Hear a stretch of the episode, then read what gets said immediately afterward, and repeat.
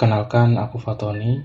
Kali ini aku mau sharing tentang sebuah urban legend yang sudah bergenerasi-generasi menghantui SMA aku. Saat ini aku sudah lulus dari sana, tapi setiap aku tanya angkatan-angkatan setelahku, urban legend ini masih dituturkan, bahkan masih terjadi. Urban legend ini adalah tentang seseorang, atau lebih tepatnya aku sebut sebuah makhluk bernama Melati. Melati hadir di banyak kisah-kisah horor yang berseliweran di SMA aku. Melati punya banyak bentuk yang digambarkan anak-anak. Melati juga punya beragam versi mengenai asal-usul tentang dirinya. Dan justru karena ketidakjelasan bentuk dan asal-usulnya inilah yang membuat bagiku terasa ganjil. Entah kenapa, setiap anak yang bersekolah di SMA aku seringnya pasti tahu tentang Melati. Minimal mendengar ceritanya atau kalau beruntung bertemu dengannya. SMA aku mungkin bisa dibilang sekolah yang punya area terluas di Kabupaten Pemalang. Di depan sekolah ada jalan protokol kabupaten, dan di belakang sekolah berbatasan langsung dengan jalur kereta pantai utara Jawa. Karena areanya luas, SMA aku beruntung punya tiga lapangan utama yang cukup besar. Bagian depan ada lapangan basket dan volley, Lapangan bagian tengah biasa digunakan untuk upacara, dan terakhir adalah lapangan tak terawat dengan rumput-rumput tumbuh liar di belakang sekolah. Tapi di lapangan ini terdapat gawang sepak bola dan sesekali anak-anak bermain di sana.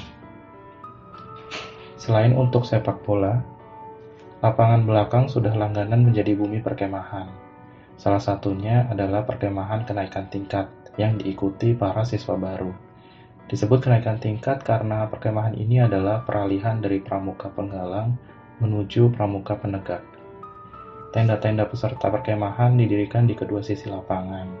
Di sisi barat, tenda-tenda putra berbatasan langsung dengan pemukiman warga, dipisahkan oleh pohon-pohon dan tembok tinggi.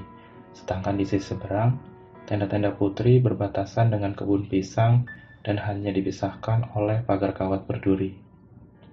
Aku menyinggung tentang perkemahan kenaikan tingkat ini karena di saat itulah aku kali pertama mengenal Melati.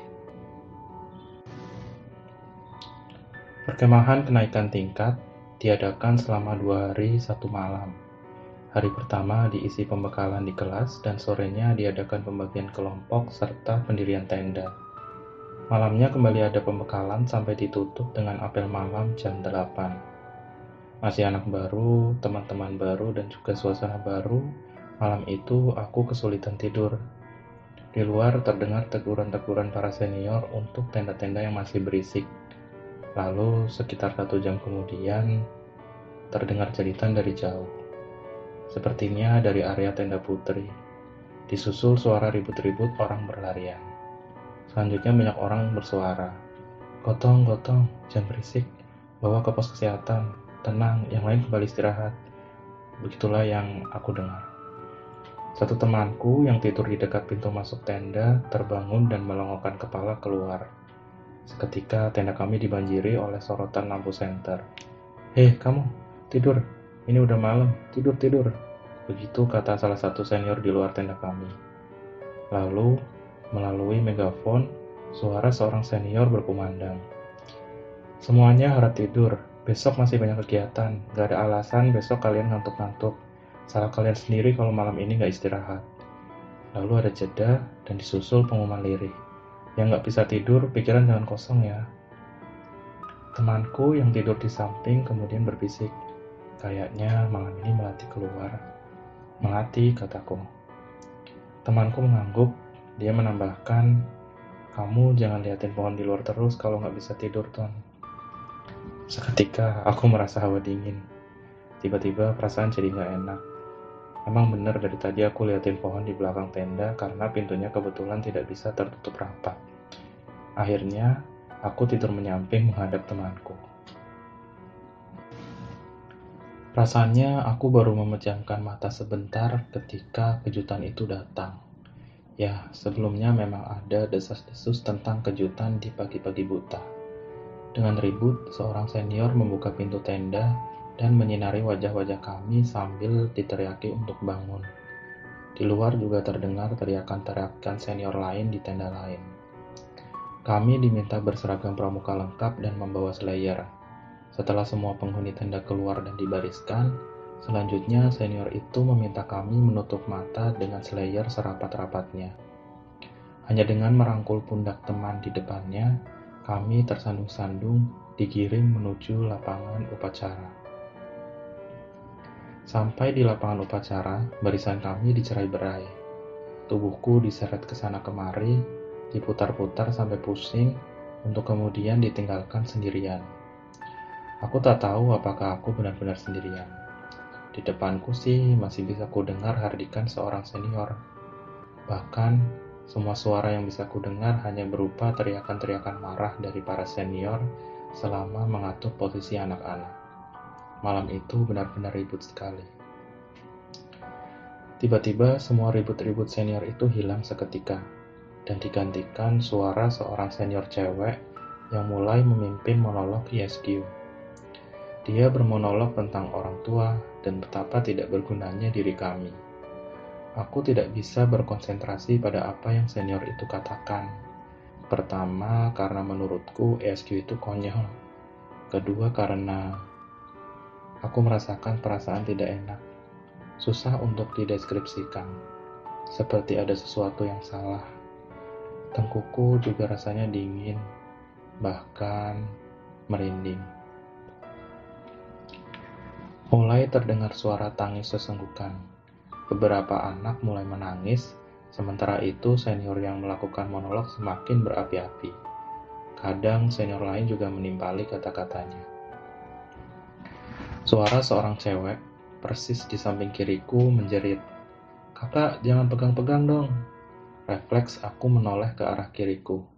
Tapi tentu saja aku tak bisa melihatnya. Ikatan selayarku rapat sekali. Lalu dari belakangku, suaranya terdengar jauh. Seorang senior berkata, Eh, kenapa kamu teriak-teriak? Kakak jangan usil pegang-pegang ya, jangan kurang ajar, begitu kata cewek tadi. Senior yang tadi kembali menimpali. Jangan nuduh sembarangan ya kamu. Dari tadi saya di sini. Bohong, tadi ada yang megang tanganku dan... Belum selesai cewek di sampingku menyelesaikan kalimatnya, dia kembali menjerit. Tuh kan, jangan usil deh kak. Akhirnya aku bisa mendengar suara senior tadi berjalan mendekat. Usil apa sih? Dari tadi kamu itu sendirian, jangan bercanda ya kamu. Kemudian cewek tadi menjawab, tadi ada yang niup leher aku kak, Belum hilang rasa takutku dengan obrolan mereka, tiba-tiba sebuah tangan yang dingin menarik tanganku dan memaksaku untuk berpindah tempat. Hampir saja aku terjatuh. Hampir juga aku tadi memekik seperti cewek di sampingku. Perasaanku sekarang benar-benar kecut. Mendengar cewek tadi, mendengar dia digangguin, membuatku ingat melati. Dan perasaanku yang tadi tidak enak masih belum hilang. Sekarang orang yang menyeretku sudah meninggalkanku lagi. Rasanya aku dipisahkan ke tempat yang lebih sepi karena suara-suara lain terdengar lebih jauh. Sebuah tangis sesenggukan di hadapanku membuatku terlonjak kaget. Suaranya lirih, tapi jelas sekali seseorang di depanku sedang menangis. Walaupun perasaanku menyangkalnya, tapi aku meyakinkan diri bahwa di depanku hanya peserta lain yang memang sedang menangis bukan yang lain. Suara-suara di lapangan makin ramai. Para senior makin berapi-api bermonolog, sementara para peserta makin banyak yang menangis. Ada yang diminta meneriakkan nama ibunya disertai kalimat minta maaf. Pokoknya suara sana benar-benar berisik.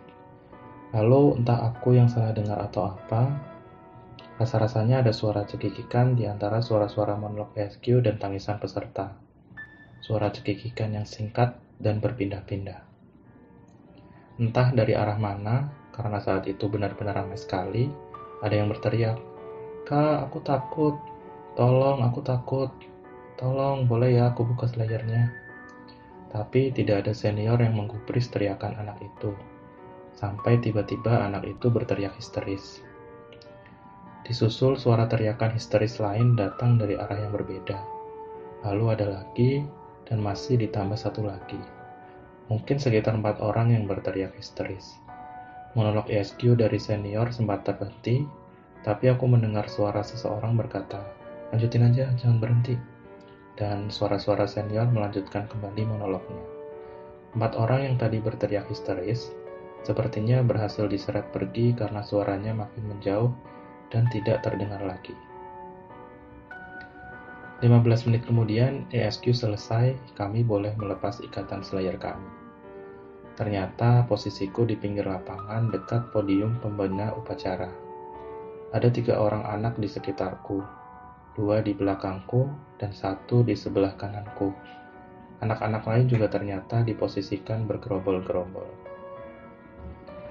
Selanjutnya kami dibariskan dan prosesi pelantikan pun dimulai. Pelantikannya mengikuti tata cara apel seperti pada umumnya. Hanya saja di sesi pelantikan ada perwakilan peserta yang secara simbolis mengucapkan setiap butir dasa dharma pramuka. Setelah itu, satu anggota Dewan Ambalan yang menjabat sebagai pemangku adat maju ke depan ke sebuah meja. Di situ sudah tersedia keris. Senior itu kemudian meletakkan keris di depan dahinya dan mengucapkan bait-bait kalimat yang intinya melantik kami. Di tengah prosesi itu, kami dikejutkan dengan teriakan histeris dari barisan putri. Lalu semua jadi tak terkendali. Barisan bubar, ada yang lari keluar barisan, ada yang malah penasaran dan mendatangi sumber suara. Barisan kembali tenang setelah pembina pramuka berteriak memberikan instruksi lewat megafon. Dan upacara pelantikan kembali berlanjut sampai akhirnya penutupan. Cerita horornya baru terungkap seminggu ke depannya ketika kami sudah mulai kegiatan belajar mengajar. Terungkaplah bahwa di perkemahan kenaikan tingkat minggu lalu, banyak peserta yang kesurupan. Ada yang menyebut angka 7 dan ada yang berlebihan sampai 15 orang. Cerita lain juga beredar dan menyebutkan bahwa perkemahan kemarin lupa diruat sehingga melati malam itu berkeliaran. Dari situ jugalah akhirnya para siswa mulai mengenal Melati. Fast forward satu tahun kemudian, kini giliran aku yang menjadi senior sekaligus panitia perkemahan kenaikan tingkat. Belajar dari tahun sebelumnya, perkemahan tahun ini diruat. Sore saat para peserta sedang melaksanakan pembekalan di kelas-kelas, aku menyaksikan sendiri salah satu guru kami yang terkenal sebagai orang pintar berjalan keliling lapangan ditemani penjaga sekolah. Aku tak bisa melihat jelas bagaimana guru itu melakukan perawatan Saat itu aku menjadi panitia seksi acara spesifiknya bagian yang mengurus kepesertaan. Tugasku adalah memastikan para peserta melakukan presensi kehadiran, membagi-bagi mereka ke dalam kelompok, melakukan penilaian dan menentukan pemenang di lomba-lomba kecil, serta memastikan mereka lengkap ketika kegiatan berakhir. Sore itu awan mendung menghiasi langit. Lapangan dipenuhi hiruk-pikuk anak-anak yang sedang memasak makan malam. Aku ditemani temanku yang bernama Uswa sedang berada di pos panitia. Sebenarnya hanya sebuah gawang yang ditutupi terpal dengan sebuah meja, dua kursi, dan satu matras di dalamnya. Aku sedang merapikan presensi dan pembagian kelompok ketika Bunda datang. Bunda adalah ketua OSIS yang juga anggota Dewan Ambalan. Di sekolahku yang berminat jadi anak organisasi sedikit, jadi walaupun beda-beda organisasi, orangnya itu-itu aja. Aku dan Uswa menyapanya, tapi dia tidak menjawab. Dia langsung duduk di atas matras di belakang kami dan rebahan di situ. Wajar menurutku, tugas dia cukup berat. Melatih para simbolis untuk proses pelantikan besok di pagi-pagi buta. Pasti anak-anak baru susah diatur. Jadi aku dan Uswa membiarkannya berbaring di situ. Azan maghrib berkumandang. Beberapa peserta mulai berjalan ke arah bagian depan sekolah tempat masjid berada. Tiba-tiba Uswa mencolekku. Dia menunjuk bunda yang sekarang bergerak-gerak gelisah sambil matanya terpejam. Dari mulutnya juga keluar nafas sesak seperti orang asma. Aku dan Uswa buru-buru bangkit dan mencoba membangunkannya menggoyang tubuhnya dan memanggil namanya. Mata bunda terbuka tiba-tiba. Dengan tiba-tiba juga, dia bangkit ke dalam posisi duduk. Duduknya benar-benar tegak dan kaku. Matanya juga jelalatan, seperti orang mencari-cari sesuatu. Seperti kalau kamu mendengar sesuatu, tapi tidak bisa menemukan asal suara.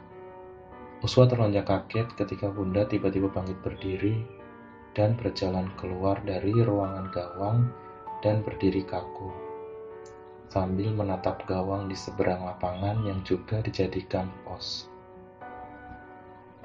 Bunda kenapa? bisik Uswa kepadaku. Aku juga nggak tahu, kayaknya dia Sebelum aku menyelesaikan kalimatku, Uswa langsung menimpali. Aku takut dia kesurupan. Hus, kamu aja ton antar bunda ke pos kesehatan, begitu kata Uswa. Aku sih sebenarnya ragu, tapi tiba-tiba kami berdua dikagetkan dengan suara bunda berkata lirih. Uswa, temenin ke depan yuk. Uswa hanya bisa melongo. Dia menoleh ke arahku meminta bantuan, tapi dirinya tiba-tiba sudah ditarik bunda untuk berdiri. Tak berapa lama kemudian, aku ditinggal sendiri dan menyaksikan mereka berdua berlalu. Uswa masih sempat menoleh ke arahku dengan ekspresi tentu saja bingung dan takut. Selanjutnya, aku sudah melupakan peristiwa itu karena malam itu aku benar-benar sibuk. Peserta perkemahan ternyata melebihi yang kami perhitungkan. Jadinya aku membantu temanku menyusun ulang pos dan waktu di setiap pos untuk kegiatan mencari jejak besok pagi. Tanpa aku sadari, kegiatan perkemahan ternyata berjalan lancar, mulai dari kegiatan malam, pelantikan, dan kegiatan besoknya. Tidak ada yang kesurupan, tidak ada kejadian aneh.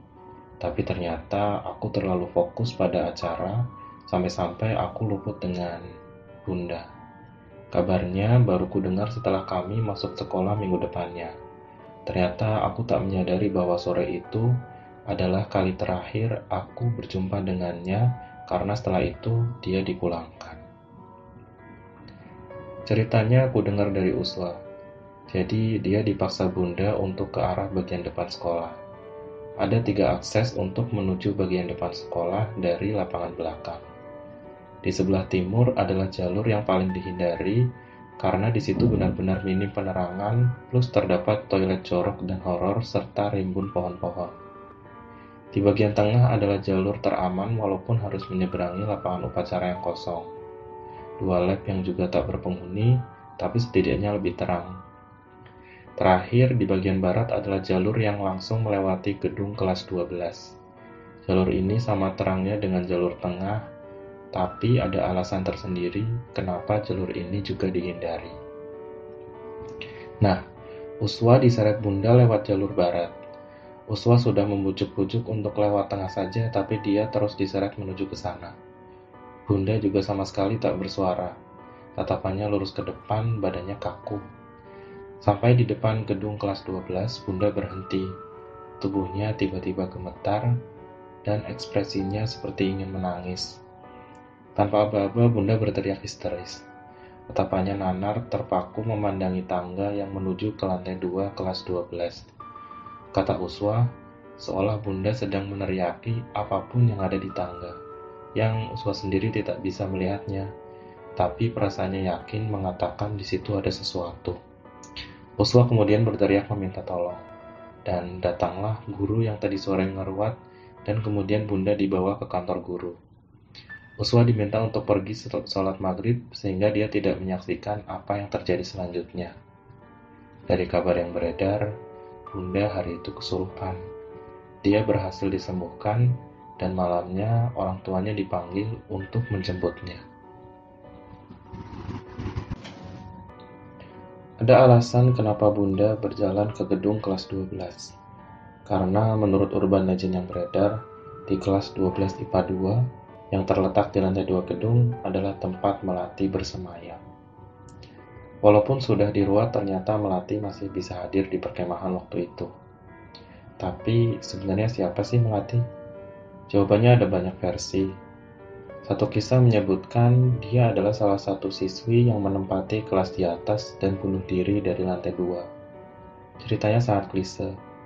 Tapi ada juga versi lain yang menyebutkan dia bukan bunuh diri, tapi jatuh karena dikagetkan oleh temannya ketika dia sedang bersandar di pagar pembatas.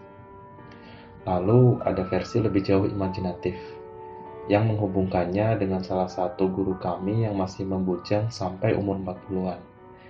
Ceritanya menyebutkan bahwa Melati adalah kekasih guru itu dan mati kecelakaan. Guru itu memang punya kebiasaan pulang selewat maghrib. Ada yang bilang karena hubungan mereka masih berlanjut walaupun beda dunia. Sangat imajinatif. Kebetulan kakakku juga alumni di SMA itu dan katanya cerita Melati sudah beredar di zamannya, sekitar akhir tahun 90-an. Jadi cerita mana yang benar, tidak ada yang tahu.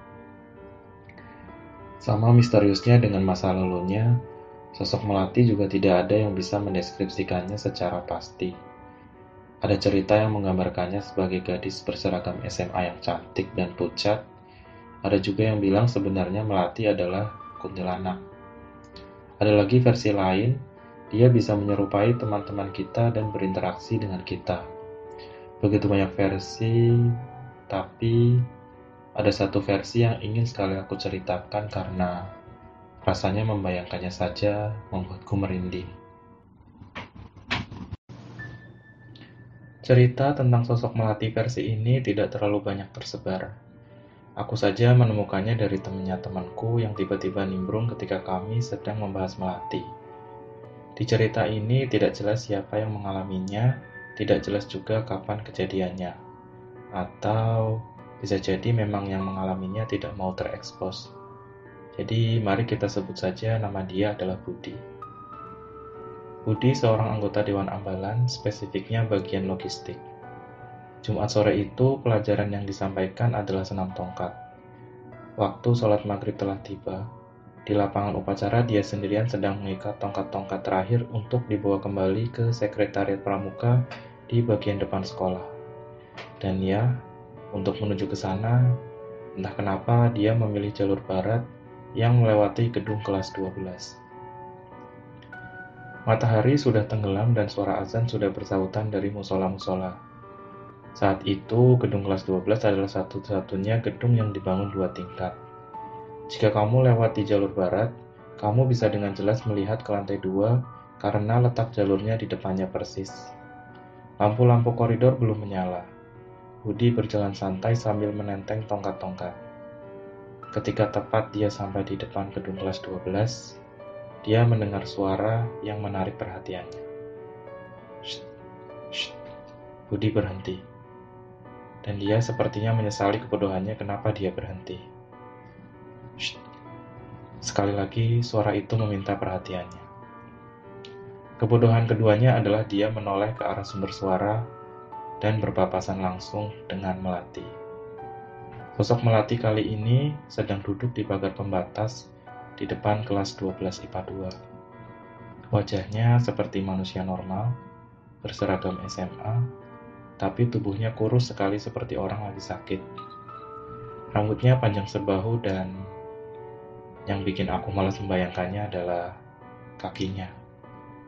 Kakinya menjutai sangat panjang dari lantai dua sampai menginjak tanah di bawah. Dan katanya, saat itu Melati mulai bangkit berdiri dan menghampiri Budi. Cerita berhenti sampai di situ. Sangat menggantung memang. Tapi bagiku, cerita versi itulah yang menyebutkan sosok Melati yang paling seram. Jadi begitulah kisah tentang urban legend Melati di SMA aku. Ceritanya yang memuat tentang dia banyak banget, tapi justru dengan terlalu banyaknya versi, malah membuatnya makin misterius. Sebenarnya siapa dia, tak ada yang bisa memastikan. BTW, sebenarnya aku menceritakan ini juga merasa takut-takut, karena pernah ada cerita bahwa saat sedang reunian, beberapa alumni SMA membahas tentang Melati, dan salah satunya kesurupan setelah dia pulang ke rumah. Kebetulan, aku juga sudah alumni, dan rasa takut aja. Sekian cerita saya kali ini dan terima kasih sudah mendengarkan.